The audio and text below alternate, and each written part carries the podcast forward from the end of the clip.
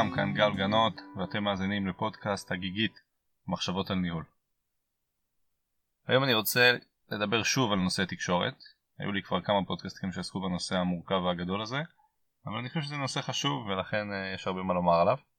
אה, ומה שאני אנסה לדבר היום זה להסביר את מה שאני מכנה את תופעת הדעיכה, שבעיניי היא תופעה משמעותית שמשפיעה ישירות על איך שאנחנו עובדים במקום העבודה שלנו, ואני חושב שצריך לשים אליה לב, ואני גם ממליץ על מה אפשר לעשות כדי לצמצם את הנזקים של התופעה הזו. אז כשאני אומר תופעת דעיכה, אני בעצם מתכוון לכך שכשאני מנסה להעביר איזשהו מסר, המסר הזה כמעט אף פעם לא עובר לצד השני.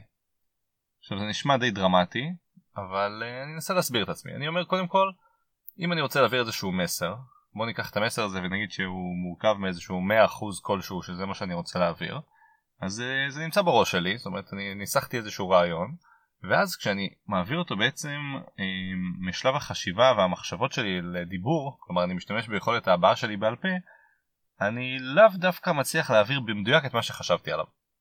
זה כמובן תוצאה ישירה של יכולת הבעה שלי בעל פה ואנשים שטובים בזה יכולים לעשות את זה עם דעיכה כמעט מינימלית אבל בהרבה מאוד מקרים כשאתה מנסה להעביר איזשהו מסר אתה חושב על משהו ואתה אומר משהו שהוא בערך הוא לא בדיוק ויש כאן איזושהי דעיכה ואם דיברנו על זה שהמסר שלי מתחיל ב-100% אני יכול להעביר מסר של 90% או מסר אפילו של 80% ולפעמים גם אני יכול להעביר מסר של 30% כלומר ניסיתי להגיד איזשהו משהו אבל הרוב המוחלט לא, לא בעצם עבר ויכול להיות שעברו דברים אחרים אני חושב שהמורכבות היא שלפעמים אני אפילו לא מודע לזה שזה לא עבר אבל אפילו במקרים שאני יודע שלא אמרתי בדיוק את מה שחשבתי, אני בדרך כלל מקווה שהצד השני איכשהו יצליח להסיק אה, כי זה הדבר הגיוני, נכון? זה מה שאני חשבתי.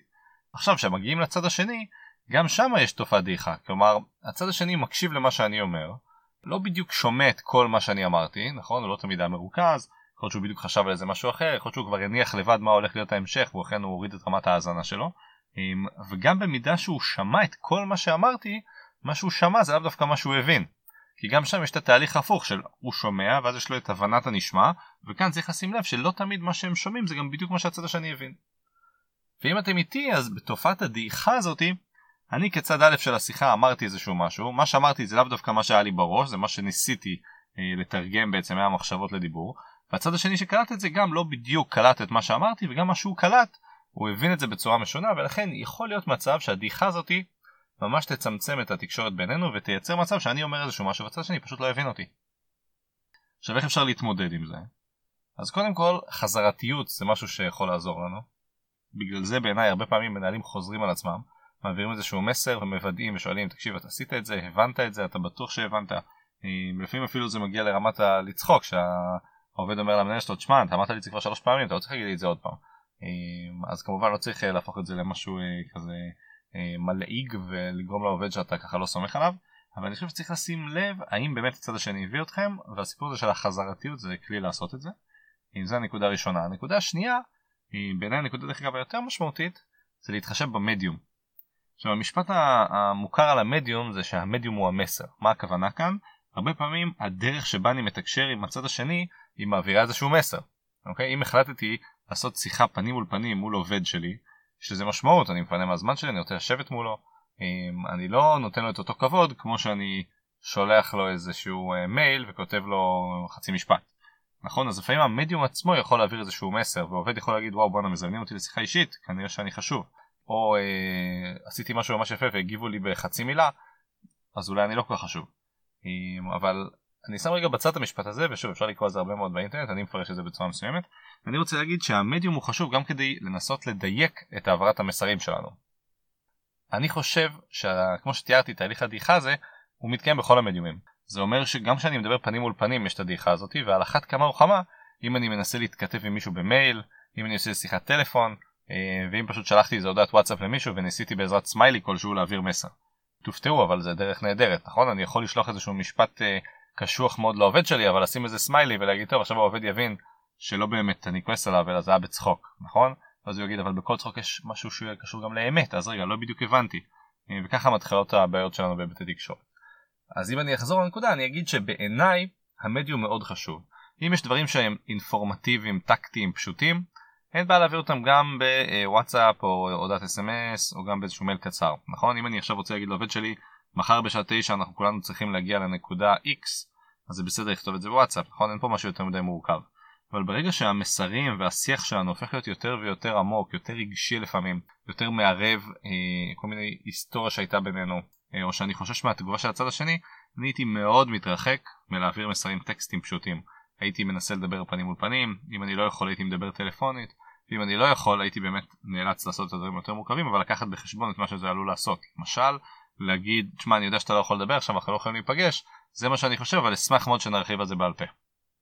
אני חושב שאני משתמש המון במשפט uh, באנגלית let's talk face to face או בעברית בוא נדבר על זה פנים מול פנים אני חושב שמסרים מורכבים צריכים להיאמר פנים מול פנים בעיקר כי ככה המסר עובר בצורה טובה קשור גם לתנועות גוף שאני יכול לעשות קשור לנימה קשור לטון דברים שמאוד קשה להעביר אותם uh, בצורה כתובה שוב אני לא אומר שזה רע להשתמש בצורה כתובה אני רק אומר שצריך לחשוב מתי עושים את זה ובעיניי יש מין איזה אסקלציה כזאת זאת אומרת הדרך הכי טובה לתקשר היא פנים מול פנים אחרי זה לעשות איזושהי שיחה וירטואלית שאני רואה את הצד השני, אחרי זה לעשות שיחה טלפונית סטנדרטית, ומשם בעצם uh, להתכתב בשלל דרכים. ואם אני אחזור רגע למה אני מספר את זה, כי בעיניי ככל שאני יותר קרוב לצד השני, ככה דעיכה תהיה מינימלית יותר, וככה יותר סיכוי שהוא יבין אותי. תופתעו לדעת כמה מורכבויות ובעיות בעולמות העבודה פשוט קשורות לבעיות תקשורת.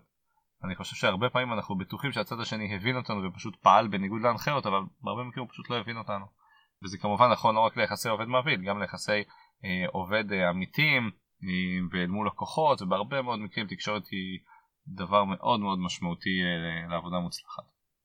זהו, אם אני אעשה סיכם את מה שאמרתי כאן, אז בפרק הזה דיברתי על תקשורת וספציפית על מה שאני מכנה אותו תופעת הדעיכה. כלומר המקרה הזה שאני מנסה להעביר איזשהו מסר אבל לאורך הדרך הוא דועך ומה שמגיע לצד השני זה לאו דווקא מה שכיוונתי בתחילת הדרך. ודיברתי על כל מיני דרכים בעיניי שאפשר לצמצם את זה. בהתחלה דיברתי על החזרתיות נכון? על זה שאפשר לעשות איזשהו משהו כמה וכמה פעמים בתקווה שהדעיכה הזאת היא כל פעם תהיה מצומצמת ובסוף המסר יעבור. והדבר השני שדיברתי עליו זה הסיפור הזה של המדיום.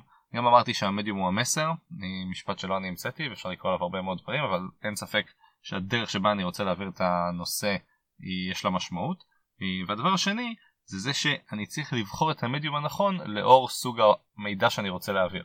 אם זה מידע טקטי אה, פשוט אין שום בעיה לעשות את זה אה, במייל או בטקסט כלשהו אה, ואם זה משהו קצת יותר רגיש קצת יותר מורכב שמדבר על יחסים בין האנשים שמערב אה, לא יודע כעס למשל או תסכול תמיד הייתי עושה את זה פנים מול פנים אני חושב שכאן לא אמרתי את זה אני אגיד את זה עכשיו הרבה פעמים אנחנו טועים בזה שאנחנו מגיבים מהר. אני חושב שאני לא צריך לתת פה דוגמאות אני בטוח שכל מי ששמע את הפודקאסט הזה מתי שהוא יכול לזכור שהוא כעס והוא הגיב במייל מיידית ואחר כך יתנצל על זה ויצטער על זה כי באמת בדיעבד הוא קרא את זה ואמר וואי לא תצטרך להתנסח ככה.